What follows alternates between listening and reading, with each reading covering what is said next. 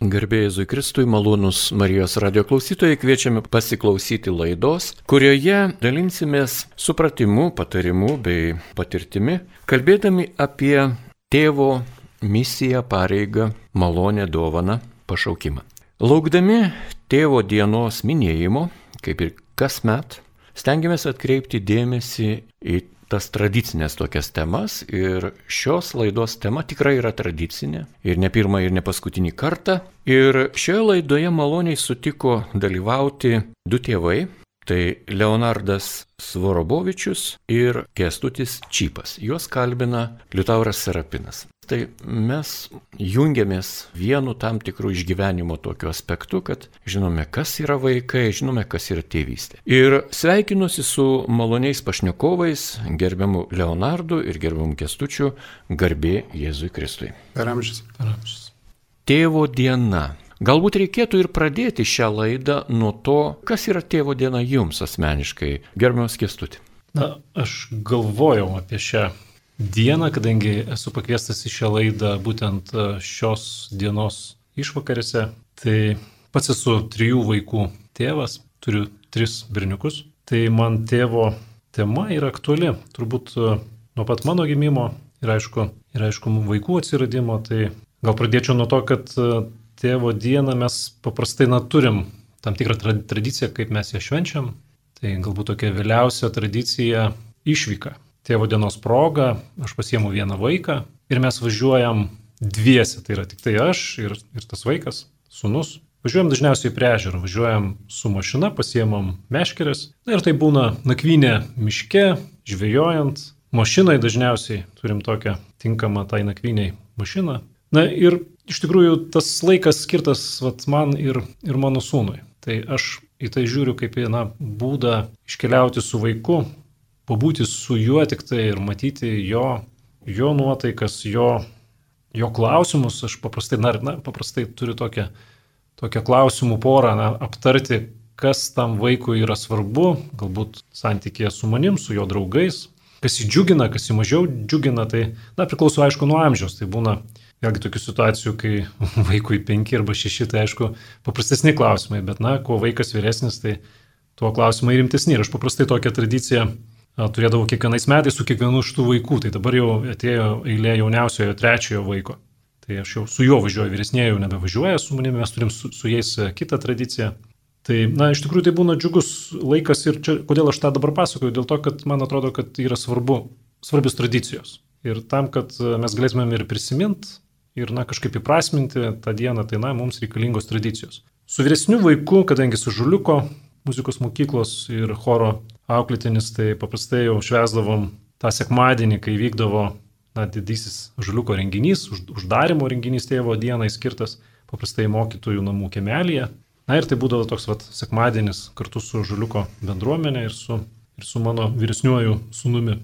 Tai gal tiek trumpai.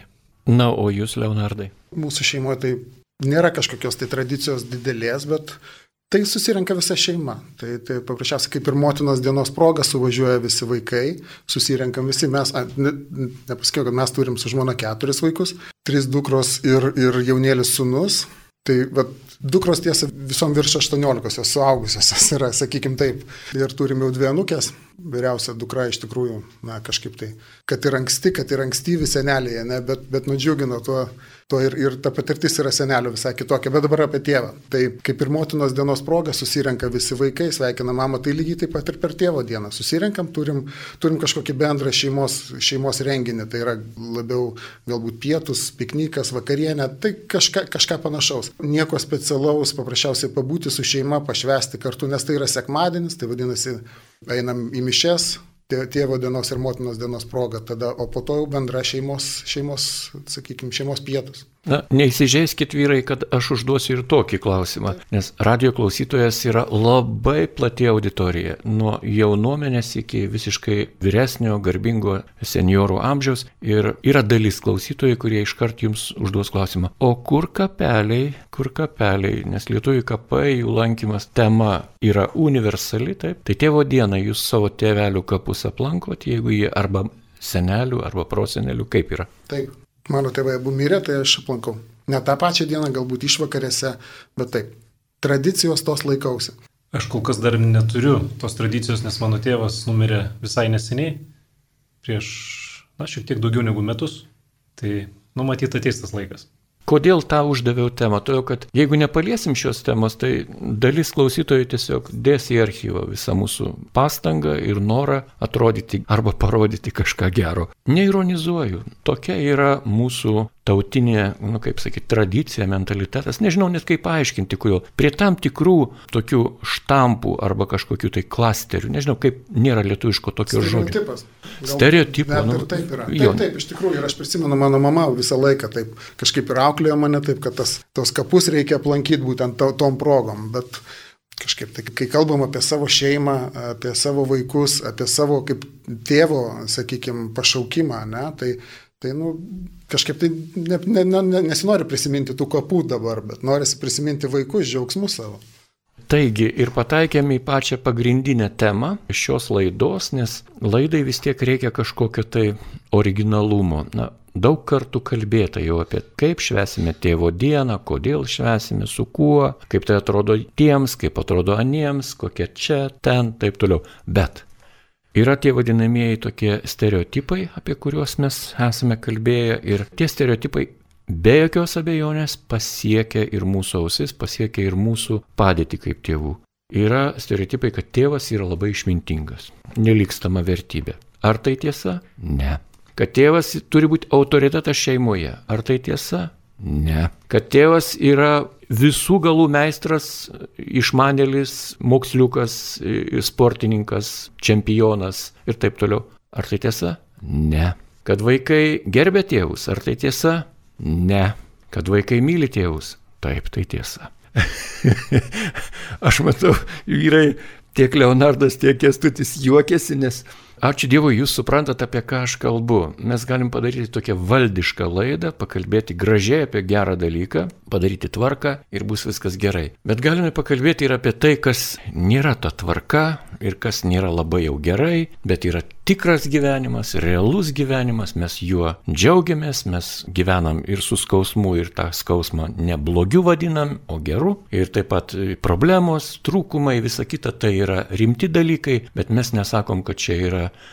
didžiausias blogis, nuo kurių reikia bėgti, strimgalviais, keisti savo ten pažiūras, savo kūno dalis ar dar kažką ir taip toliau. Ne. Ačiū, kad leidote padaryti tokią įžangėlę. Ir dabar tikrai galime jūsų išklausyti, ar iš tikrųjų va ta tėvo diena, nu, ar jinai netapo tokiu valdišku dalyku, kaip jums atrodo, nu, va, tėvo diena ir visi, visi kolektyviai mes čia džiaugiamės tuo, kad turim tėvus ir tie, kurie neturi tėvų, eina prie kapų, tie, kurie turi, su jais valgo, švenčia, tie, kurie neapkenčia tėvų, eilinį kartą pakeikia, tie, kurie myli, paverkia ant pėties. O kaip iš tikrųjų yra, ar ta tėvų diena yra reikalinga, ta tėvo diena, ar yra reikalinga pasaulyje, ar nereikalinga, kaip jums atrodo? kažkada, kai atsirado Lietuvoje ta tėvo dienos šventimas, formalus tas, kai paskelbė net valstybinę šventę, tai buvo likt sulyginama su motinos diena, kad jeigu yra motinos pažymėjimo diena, tai, ta prasme, ir, ir, ir tėvo, tai galvojau, kad vis dėlto tai yra kažkoks formalumas, ne.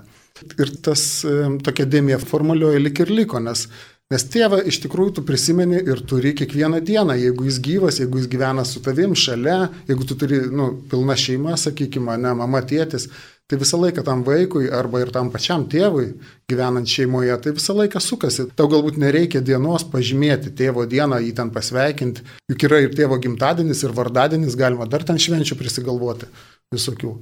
Tai paprasčiausiai, kaip galbūt tai yra banalus atsakymas, bet tėvą reikia prisiminti kiekvieną dieną, kad tu turi tokį ir, ir jį, jį mylėti. Dėl tų visų kitų stereotipų ten, kad jis tėvas visagalis, nu tai čia jo, čia humoro forma tik tai. Jūs gerbiamas kestuti, ar jūs nenorit šią linkmę net kalbėti? Aš irgi gal nesureikšminčiau tos e, dienos, kad, na, tai yra kažkokia išskirtinė diena ir, na, šveskim tą dieną, bet, na, aš manau, kad tai yra būdas atkreipti dėmesį į tėvą ir, na, prisiminti, iš tikrųjų, gal kaip, na, Leonardai ir sakėt, kad šiuojat aplankyti ir tą dieną jūs prisimenat bent jau į tą fizinę išaišką kai aš turėjau dar gyvą tėvą, tai aš jį sveikintau. Tai man, na, tiesiog būdavo labai graži tokia tradicija paskambinti, pasveikinti, mes netaip dažnai susitikdavom, na, bet tai būdavo vienas iš tokių vat, skambučių, kai aš paskambindavau, prisimindavau, paklausdavau, kaip jie mainasi. Ir, na, tas kontaktas, jis netaip dažnai būdavo. Čia būdavo tokia proga sukontaktuoti. Tai, na, aš manau, kad atkreipdėmėsi galima, o, o, o iš tikrųjų, na, tėvas, tai jis visada širdį yra. Kaip aš savo draugams sakau, kad, na, tėvas yra taip įspaudęs savo atspaudą mumise, kad mes kitą kartą nesuprantam, ką jis paliko. Ir mes galbūt tik tai savo vaikose pamatysime, ką per mus mūsų tėvas mums davė. Tai va. Gražiai pasakėt iš tikrųjų tą tiltą tokį tarp savo tėvo, savęs asmeniškai ir savo vaikų. Juk vaikai taip pat bus tėvai kažkada tikrai tais neišvengiamai. Taip bent norėtųsi tuo tikėti arba linkėtume kiekvienam žmogui tapti tėvu, taip pat mama, ir be jokios abejonės. O jeigu dabar truputį apie tą tėvystę, juk skirtingai suprantame tą tėvystę, tiek kultūriškai, lietuviai čia gyvenantis, karaimai, žydai, rusai, kiti, kitų tautų žmonės, Lietuvoje gyvenantis, bet jie gyvena vis tiek kažkokioj tai uždaroj tokioj, daugiau mažiau erdvėje, jos vienyje tam tikri kažkokie vienodi, na, įgūdžiai, vienodos sąlygos ir taip toliau, ekonominės, politinės, religinės ir ką kita apie tą tėvystės dovaną, tai ar iš tikrųjų reikia apie ją atskirai kalbėti, ar galima tiesiog apie tą tėvystės dovaną tiesiog prisimin, prisimenant tėvą arba savo kažkokį poilgį. Kaip šioje situacijoje galėtume rutuliuoti toliau laidą? Ką jūs pasiūlytumėte? Tėvystės dovana. Sakėme, kad tai yra tam tikras, na, toks, na, irgi stereotipinis terminas, toks, nu, bažnytinis terminas - tėvystės dovana. O, o kodėlgi ne koks nors, sakykime, ten projektas tėvystės, o kodėlgi ne programa tėvystės. Galbūt po šimto metų žmonės tai vadins tėvystės programa. Negali žinoti šiuo metu dovana. Nu gerai, kas tą dovaną davė? Gerbiamas Leonardai, gerbiamas Kestuti, kas davė tėvystės dovaną jums? Dievas. Nes tai yra Dievo dovana. Tai Čia atrodo vėlgi banalus atsakymas, galbūt paprastas, primityvus, nežinau, kokiu dar žodžiu galima, bet iš tikrųjų taip yra. Ir, na, kad du žmonės, ten, sakykime, mes su žmona susitikom kažkada, tai užsimesgė mūsų ryšys, po to iš to ryšio gimė vaikas, vienas, kitas. Na, tai yra pats stebuklas visas. O jau tėvystė, tėvystė kaip procesą, nežinau, man tai atrodo, aš, kadangi mes pirmo vaiko susilaukėm, buvom gana jauni, tai pagalvojus, aš nei buvau pasiruošęs tai tėvystėjai, nei buvau ten kažką skaitęs, žinojęs, tik tai iš aplinkui mačiau, kaip gyveno, sakykime, ar ten mano, mano tėvai, ar mano dėdės, ar mano pusbroliai, kurie jau turėjo, sakykime, vaikų tuo metu. Tai, na, ta patirtis buvo tik tai iš kitų, iš, iš kitų pasižiūrėti, kaip, kaip jie ir, ir kaip jie šeimoje gyvena. Tai lygiai tas pats, aš atėjau tą šeimą, vat, nu, sakykime, su, su savo vaikais pradėjome auginti vieną, po to kitą. Ir taip, na, patirtis įvairi, sakau, pirmi, pirmi du vaikai, kai mes buvom jaunimum, buvo 23 metai, 24. O paskutinysis gimė, kai mums buvo 40. Tai, tai visai vėlyva tėvystė yra, yra va čia galima jau pavadinti kažkokiais projektais, dar kažkuo, tai kai tu ten darai, karjer... mes nedarėm karjerų, mes paprasčiausiai taip, nu, taip, taip gyvenom ir taip, taip mums Dievas padovanojo ketvirtą vaiką. Tai, tai nežinau, žinokit, turiu daug patirties tos va, tėvystės, bet visa tai užaugo kartu su, su mano vaikais ir su mano, aš pats su jais augau. Dovana, va, to yra graži dovana, kad aš, aš patyriau tą dovaną būdamas ir jaunas, ir jau, na, vidutiniam amžiui. Tikrai ypatinga dovana. Na, o jūs, kestuti, kas jums davė tą dovaną tėvystės? Iš tikrųjų, tai viešpats mūsų apdovanojo ir aš tai sakyčiau, kad tai yra, ta dovana tai kelionė. Tai tokia kelionė, kurios pradžioje nežinai, kur ta kelionė baigsis, nežinai, kokiu bus sustojimų, stotelių toje kelionėje. Ir iš ties aš irgi dabar turiu tokį jau ir nueitą šiokį tokį kelią, mano vyriausiam sūnui dabar 19 metų, jauniausiam 9. Tai per tiek metų ir patirčių iš ties suprantu, kad na, be, be pagalbos, be, be kitų žmonių, be, be giminių, be draugų, na, būtų labai sudėtinga veikti. O dar svarbesnė tai turbūt bendruomenė. Tai, vat, na, tai kas tėvystėje man tikrai didelę pagalbą teikia ir, ir, ir vilti, tai, tai mano bendruomenė. Nes, na, toj tėvystėje, aišku, visko yra ir kalnelių, ir, ir, ir nusileidimų, ir atradimų, ir kažkokių praradimų, bet kaip, na, surėdyti viską, kad na, eitų daugmaž ten, kur mes įsivaizduojam, kad, na, norėtume, kur eitų mūsų vaikai arba kur, kur link kaip mes auktume kartu su jais. Tai, na, nėra labai taip paprasta. Na, tikrai daug pastangų reikalauja ir, ir, ir įvairių, ir paskaitų, ir knygų perskaitytų. Ir galų gale kitą kartą atrodo viską, na, jau liktai perskaitai, žinai, na, bet štai vėl atsiduri į tokią situaciją, kurią visai nenorėtum atsidurti, na, bet vat, taip atsitinka. Ir atrodo, kad kad na, tas kiekvienas vaikas jisai kažkokią tai savo pamoką atneša, savas, savus džiaugsmus, su vienu vaiku vienaip, o na štai su, su trečiuoju visai kitaip viskas ir visai kitaip žiūrim. Na tai čia toks, toks gal ir, gal ir na, dovana šiek tiek vyresniam amžiui turėti vaikų, na truputėlį kitaip žiūrėti kitom akim. Tai aš to aš tikrai labai be galo džiaugiuosi. Dovana yra vat skirtingam amžiui, ne vyresniam. Sakau, aš dar galiu tik taip ta tėvystės dovana, kaip, kaip jinai vystosi, ne? Tai jau sakiau, kad mes turim, mes turim tris dukras, e, tai, tai žinot, kaip mergaitės augo, jos yra vienokios. Iš tikrųjų, nu, mes su žmona juokaudavom, kad kai gimė sunus, tai pasidarė visiškai kita lyga, futbolo lyga.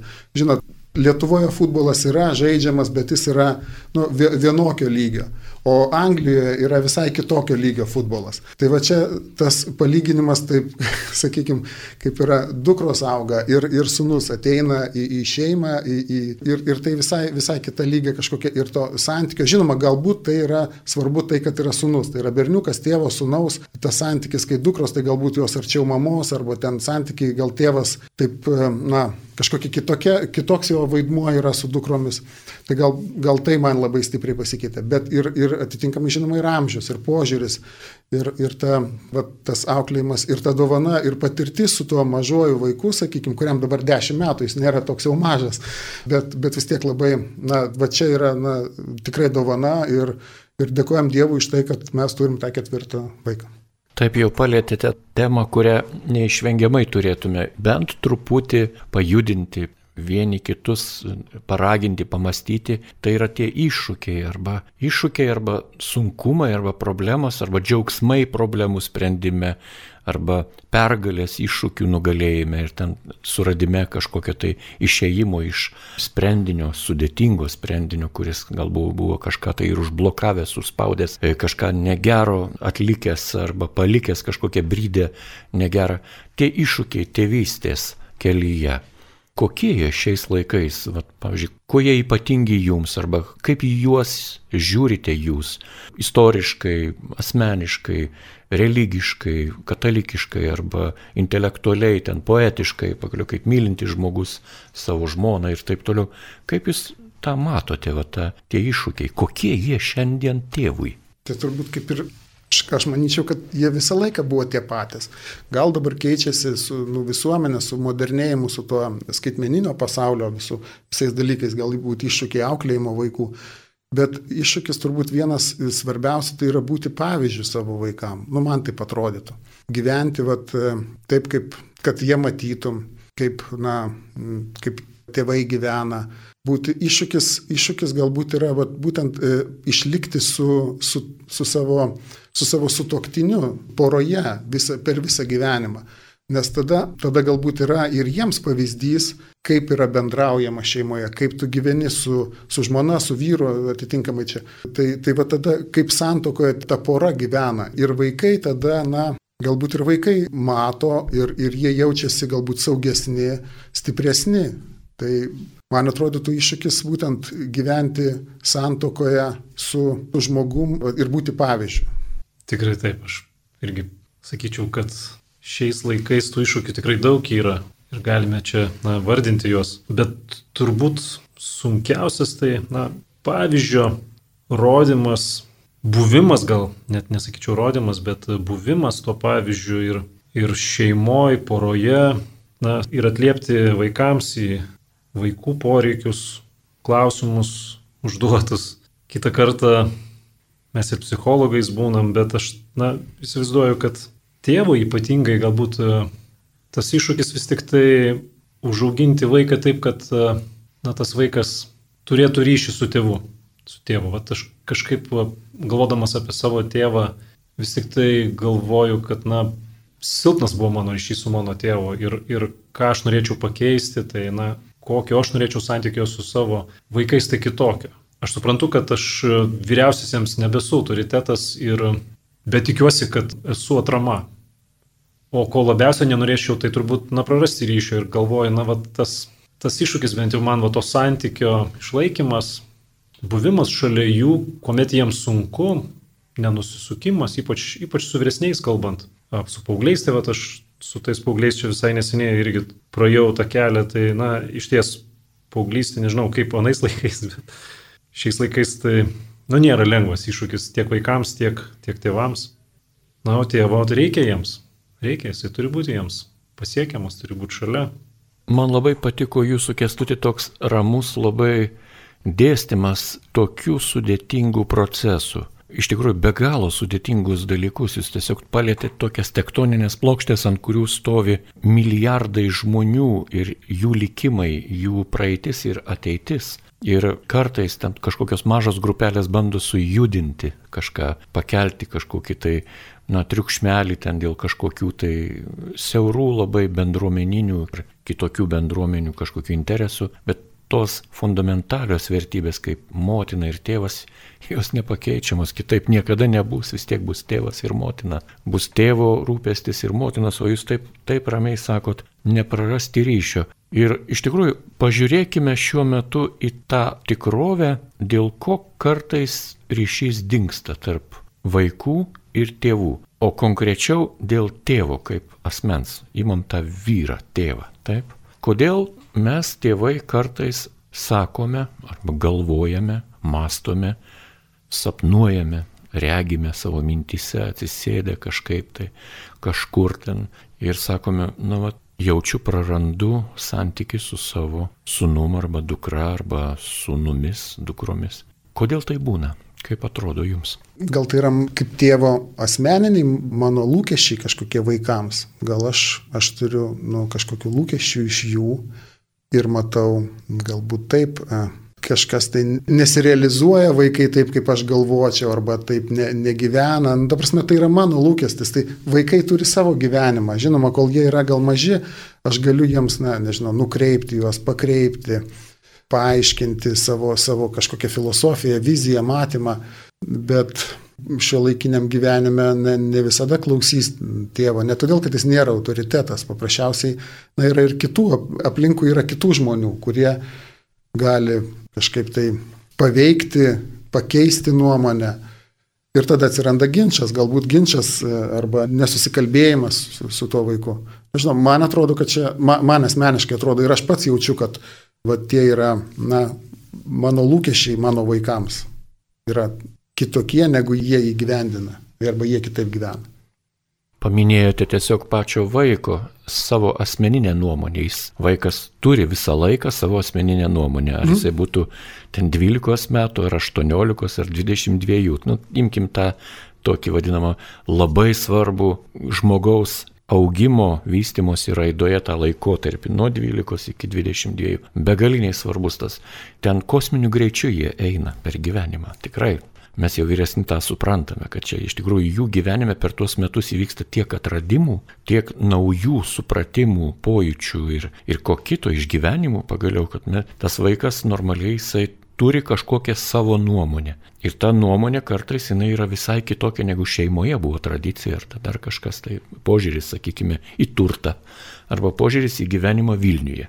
Vaikas sako, nu, nenoriu aš, man tas Vilnius nepatinka. Tai tavo gimtinė, tai tavo tėviškė Vilnius. Nenoriu aš tos Vilniaus tėviškės. Aš važiuosiu į Tauragės rajoną, į ten prie Gramantės upelės ir aš ten gyvensiu tarp tų akmenėlių. Ir ką tada tėvas sako, nu, nu pagalvok, tu talentingas, ten esi gydytojas, ką tu ten pagramantyje, ką tu ten matysi. Na nu ir taip toliau. Aš, gink dievę, nenoriu žaisti pagramančio gyventojų, jie nuostabus, aš esu gyvenęs ten trumpą laiką, nebereikalo kalbu apie juos. Gyvena nepaprasto grožio vietovėje, yra nepaprastai gražus darbštų žmonės, turi begaliniai sunkų gyvenimo patyrimo jausmą, nes buvo išbandomi tais bolševizmo laikais, ko ten nebuvo tame pagramantį, mes puikiai žinom tie, kurie esame su pagramančiu susiję, taip? Tai aš gerbiu ir tikrai sakau, viskas tvarkoj, bet šiuo metu kalbame apie tėvus ir tame tarpe ir pagramančio tėvus. Ir visų kitų kaimelių ir miestelių tėvus ir vaikus. Ir, nu, vat, vienas iš tų tokių svarbių dalykų. Kestuti, kaip jums atrodo, vat, kodėl, sakykime, nu, vat, taip gali būti, kad vaikai eina savo keliu, tėvai numatė vienokį, kitokį kelią, tada atsiranda tas jausmas širdyje. Jį galima pavadinti skausmu. Taip. Kodėl taip įvyksta? Na, čia turbūt labai būtų sunku atsakyti, kodėl vaikai eina savo keliu. Todėl, kad gal taip Dievas nori, nežinau. Čia turbūt e, nuo tėvų neipatingai daug priklauso. Be abejo priklauso tiek, kiek jie įdeda savo vaikus, kiek jie skiria laiko, tai na, šiokia tokia suformuoja nuomonę arba kažkokį tai pasaulyje žiūros suvokimą duoda. Tai, na, tėvai gali, aišku, įtakot, daryti kažkokią įtaką jų gyvenimui, bet vaikai renkasi patys. Vaikai turi rinktis patys ir aš iš tikrųjų džiaugiuosi, kad jie turi savo nuomonę ir kad jie pareiškia savo nuomonę ir kad jie galvoja kitaip. Ir aš, ir aš na, diskutuodama su jais, kartais suprantu, kad ta diskusija, na, tik tai reikalinga tik tam, kad išsakyti pozicijas. Aš galvoju taip, o jis pasako, jis galvoja taip. Ir galbūt ir nereikia laužti jų nuomonės į kitą pusę. Jie turi tuo metu savo nuomonę. Galbūt po metų ta nuomonė bus kitokia. Dar po metų bus dar kitokia ta nuomonė. Tai aš sakyčiau, kad tas virsmas, jis na, nuolatinis yra. Jie, es, jie nuolatiniam virsme. Jie pabendrauja su tėvais, pabendrauja su draugais, pabendrauja su mūsų bendruomenės kitais vyresniais. Jie jų labiau klauso negu tėvų. Ir jie susidaro savo nuomonę. Ir priklauso, aišku, nuo tėvų, kiek, kiek tėvai skiria tam laiko, kokie tėvų prioritetai. Jeigu tėvai, na, tėvas turi prioritetą išlaikyti, na, ar bandyti išlaikyti tą ryšį, tai aš manau, jis skirs jam ir laiko, ir dėmesio, ir kartu gal kažkokių veiklų sugalvos. Gal tada jis ir liks tam Vilniui, nevažiuosi pagramantį. Čia Marijos radijas. Ir šioje vietoje norisi, na tikrai pasidžiaugti, kad mes galime apie tas problemas arba tuos visus rūpešius ir džiaugsmus kalbėti visiškai ne tame stiliuje, koks yra visose kitose probleminėse laidose, kai kalbama ten apie kokį tėvą nusidėjusią arba motiną nusidėjusią, ten vaikai padarė klaidas, tėvai padarė klaidas, recidyvas, kažkokia problema, valstybinės institucijos įsijungia į šeimos gyvenimą, kažkokie tai patarėjai ten šeimai, socialiniai darbuotojai ir visa kita. Va, va šitos temos mes ir neliečiam, o kam jie liest? Taip, ji galbūt yra ir be galo svarbi, bet šį kartą laidoje kalbame ne apie tai. Kalbame apie paprastus dalykus, apie tėvus ir vaikus, kurie gyvena paprastą savo gyvenimą. Ta prasme, tas gyvenimas nėra recidyvas, nėra problema tokia, kuri išeina jau iš konstitucijos rėmų arba e, to vadinamo baudžiamojo kodekso rėmų. Taip, kalbame apie rimtus dalykus. Ir jūs minite tam tikrą bendruomenės svarbą. Va čia jau yra tai, apie ką tikrai žiniasklaida nerašo, kad bažnyčia yra svarbi kaip institucija, politinė, ten taip toliau, kažkokia tai tradicinė, ten kažkokia istorinė, bet kad bažnyčia yra bendruomenė ir kad bendruomenė yra labai svarbi šeimai ir ypatingai tėvams, va šitas gali suskambėti kažkaip kitaip, ar ne? Juk taip, ar jūs manote, kad tai yra visiškai normalu, kaip atrodo šiais laikais jums? Aš matau, kad dalis jaunimo, nežinau, ar labai daug ar mažai, neturiu tyrimų, jaučiasi vieniši. Turi jie draugų, bet širdį aš matau, kad, na, jie vis tiek, jie jaučiasi vieniši, jie retais atvejais tai jie pasako. Ir ką aš suprantu, kad, na, jie dar neturi tos bendruomenės, savo bendruomenės, jie turi draugų ratą, galbūt kelių draugų ratą, geresnių draugų ratą, bet suprantu tai, kad kad išgyvent, na, tokiam, tokiam pasaulyje, kuomet, na, kiekvienas tampa, na, liktai atsakingas už save, sako, na, tu esi stiprus, tu esi atsakingas, tu gali padaryti viską pats. Na, tokios labai daug yra, yra bangos, kuris sako, tu gali viską pats pasidaryti ir tau galbūt nieko ir nereikia daugiau aplinkui. O iš tikrųjų žmogus yra, na, stiprus tiek, kiek jisai turi aplinkui save draugų, bendruomenės narių, palaikančių, kiek tikėjimo turi. Tai čia tiesiog aš spontaniškai tai sakau, neturiu jokių konkrečių paruoštų atsakymų.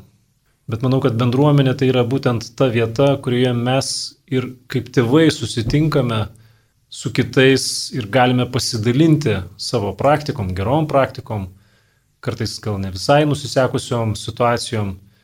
Aš iš tikrųjų tokio, na, dalyvauju vyrų grupėje, kaip mes ją vadinam, sustinkam kartą, kartą per mėnesį, na ir kalbam įvairiom temom, aktualiom temom, kartais važiuojam išvykas, kartais vieni, kartais pasiemam po vieną vaiką.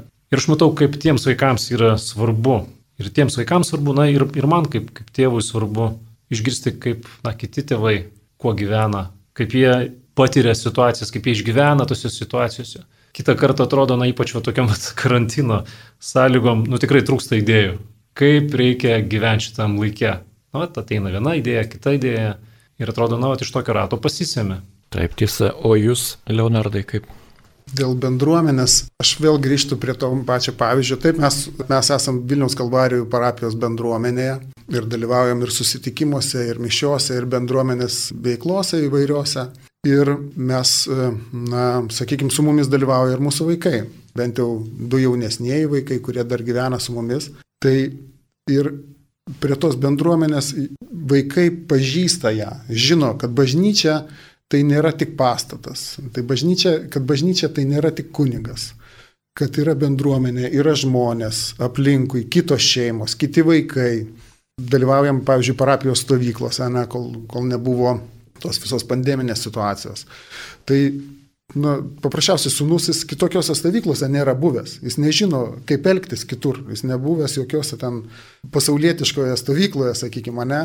Tai ir tada jam, jam tie, ta bendruomenė liktai čia ir visi pažįstami, ir bažnyčiai tie patys žmonės. Ir, jis, ir ką aš prie, prie ko vedu visą tai, kad jis tikiuosi, labai viliuosi, kad jis užaugęs įžinos, kur yra bendruomenė, kad ieškoti galima bažnyčioje ar, ar draugų naujų, kaip, kaip sakė Kestutis, ar kažkokių pažįstamų, jeigu, jeigu yra sunku, nes taip, taip, iš tikrųjų iššūkių gyvenime yra daug ir galbūt sunkumai atsiranda ir tu gali kažkokios, na, sakykime, užtarimo, patarimo ieškoti bendruomenėse, kur ją galima sutikti, ją galima bažnyčioje surasti. Pirmiausia yra, ne socialiniam tinkle, o gali tenai ieškoti. Tai mes su žmona perdodam tą va, tokią bendruomenės kaip nu, pavyzdį patirtį, kad vaikai žinotų, kur galima būtų tai, tai surasti. Ir, ir kiti vaikai lygiai taip pat, jie žino, kad bažnyčia tai yra irgi bendruomenė, yra šeimų grupės, kurios susitinka, kurie bendrauja.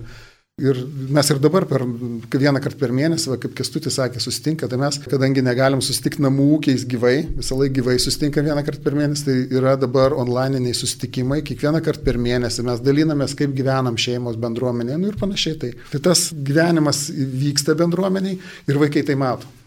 O tėvui tai yra svarbu, tėvams, vat vyrams ypač. Na, vėlgi stereotipas, kad bažnyčia yra tik tai kunigų ir močiučių. Tai, nežinau, man atrodo, mes stengiamės keisti tai ir, ir dalyvauti tai bendruomeniai. Laidos liko nedaug laiko, bet dar norisi vieną klausimą tokį labai svarbu paliesti, jo labiau, kad niekur kitur turbūt šią temą ir nepakalbėtume taip paprastai ir taip kasdieniškai. Tai santokos sakramentas, anksčiau jis buvo vadinamas moterystės sakramentu, dabar tai yra santokos sakramentas. Ir tai yra vienas iš tų tokių bažnyčios gyvenimo maldos, praktikos, tikėjimo dalykų, kuris nesibaigia. Nu, ta prasme, sakramentas tęsiasi visą gyvenimą. Jis nėra toks vat vieną dieną ten jaunieji atvažiavo išpoštais automobiliais į bažnytėlę, gražiai atliko ten tas visas ritualinės apeigas, gavo tą sakramentą, padėjo į archyvą ir baigta. Ne, pasirodo sakramentas jisai yra nuolat veikiantis, jisai niekada nesibaigia, jis tik prasideda, turi pradžią, bet neturi pabaigos. Ir va tas santokos sakramentas jums kaip tėvams, kokiu pavydalu jis iškyla šiuo metu? Ką jūs jame randate? Ar ieškote jame ko nors? Ar tai yra tiesiog jau uždaryta istorija, įvykę dabar rūpeščiai, virtuvė, garažas, namai, įmonės, sąskaitos, bankai, žemės, namai, politika, balsavimai, rinkimai, visokios problemos iš dangaus, iš žemės krenta, skrenda. O tas sakramentas, kaip jis jums šiandieną? Vyksta dar? Ar vyksta sakramentas?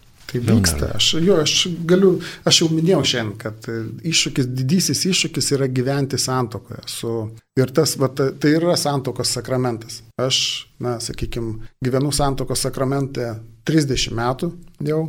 Ir, ir va, čia ir yra tas tesinys visą laiką. Ir, ir Pauliaus laiškas, kur yra himnas meiliai. Tai va ten galima ir įvairiai ten interpretuojami tie žodžiai, visai ten galima kaip sako kunigai, vietoj žodžio meilė įrašyk savo vardą ir pažiūrėk, ar tu esi toks tobulas. Bet tu gali čia įrašytis į, į, į, į, į, ir žodį vietoj meilė įrašyk žodį santoka arba santokos sakramentas ir tada pasižiūrėk, kaip, kaip ar tavo santoka atitinka tą tobulumą. Tai tas visą laiką vyksta ir, ir kaip, čia, kaip tėvui, na, tėvystė ta, na, galbūt nieko čia bendro neturi likti su tėvystė santoka, bet, bet, bet, ta prasme, kaip čia, svarbu yra gyventi toj santokoje ir, na, kad, kad šeima ta būtų santoka. Čia turbūt būtų galima labai daug apie tai kalbėti, bet aš jeigu taip trumpai ir paprastai, tai turbūt pasakyčiau, kad, na, aišku, tai yra įsipareigojimas, tai aišku, kad yra kova, galbūt taip galima būtų sakyti, ir neblogąją žodžio prasme, bet, na, sakyčiau, gerąją ta prasme, kad aš žmoną turiu iškovoti kiekvieną dieną. Tai nėra taip, kad aš susitokiau, šiais metais mūsų santokai bus 20 metų ir galima sakyti, kad vieną kartą pasakiau, na, kaip yra dažnai sakoma, ar ne, taigi jau pasakiau vieną kartą.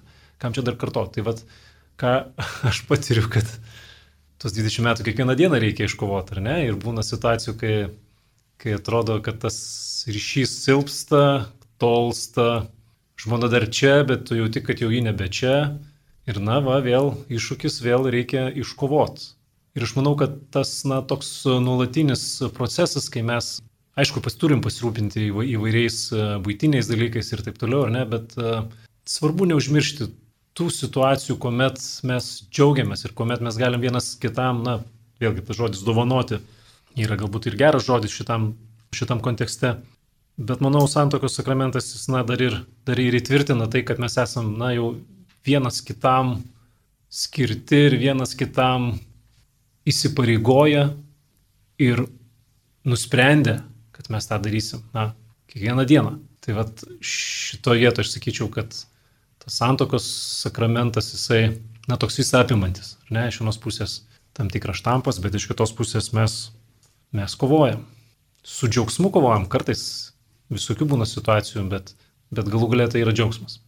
Manau, kad radio klausytojai neprieštaraus mano tokiam sakiniui, jog aš sveikinu jūs, jūsų žmonas ir jūsų vaikus ir jūsų šeimas, senelius ir močiutes, dėdės ir tetas, tėvus, tėvystės misiją atliekančius. Vienas tėvas savo misijos tikrai negali atlikti ir niekada netliks. Jam reikia ir močiutės, ir senelio, tėvui reikia ir žmonos, ir pusėserės, ir brolio, ir sesers. Ir vaikų reikia, ir mokytojų, ir, ir draugų, ir bičiulių, ir bažnyčioje surasti gerą nuodemklausį, ir gerą dvasios tėvą, ir gerą vyskupą, kunigą, kleboną, zakristijoną. Viso to reikia. Ir mes taip bandėme, nenaudodami tų tokių jau tradicijų arba tipiškais tapusių žodžių bažnytinę kalbą kalbėtis apie tai, kas yra tėvystė, kas yra parašyta maldaknygėje, Dievo įsakymai. Aš esu viešpats tavo Dievas, dvitaškis, ketvirtas dvitaškis įsakymas, gerbk savo tėvą ir motiną gražus įsakymas, begaliniai gražus. Ar jis mums koks nors yra priešiškas? Ne. Ar jisai mus žlugdo? Ne. Ar jis mums yra sunkus? Ne. Tai kas jis toks? Džiaugsmas. Tai ir jūs šiandien abu, gerbiamas Leonardai ir gerbiamas Kestutė, esate džiaugsmas savo šeimoms, savo vaikams ir džiaugsmas šią valandėlę radio klausytojams, kad galėjote taip, na, paprastai paprastų žodžių, neįmantrių žodžių, ne kokiu nors akademiniu ten referatu, ar tiesiog paprastų pokalbių pasidalinti, kuo yra svarbi tėvystė, kodėl ji tokia svarbi, kam ji yra svarbi ir kaip ji svarbi jums asmeniškai. Taigi sveikinu su tėvo diena ir linkiu jums kuo gražiausių minčių ir kuo gražiausių darbų ir kad tie darbai ir mintis būtų Dievo palaiminti. Ačiū Jums, malonus radio klausytojai, jūs girdėjote laidą apie tėvo misiją, pašaukimą ir malonė. Laidoje dalyvavo Leonardas Svorobovičius ir Kestutis Čypas. Juos kalbino Liutauras Serapinas. Likite su Marijos radiju.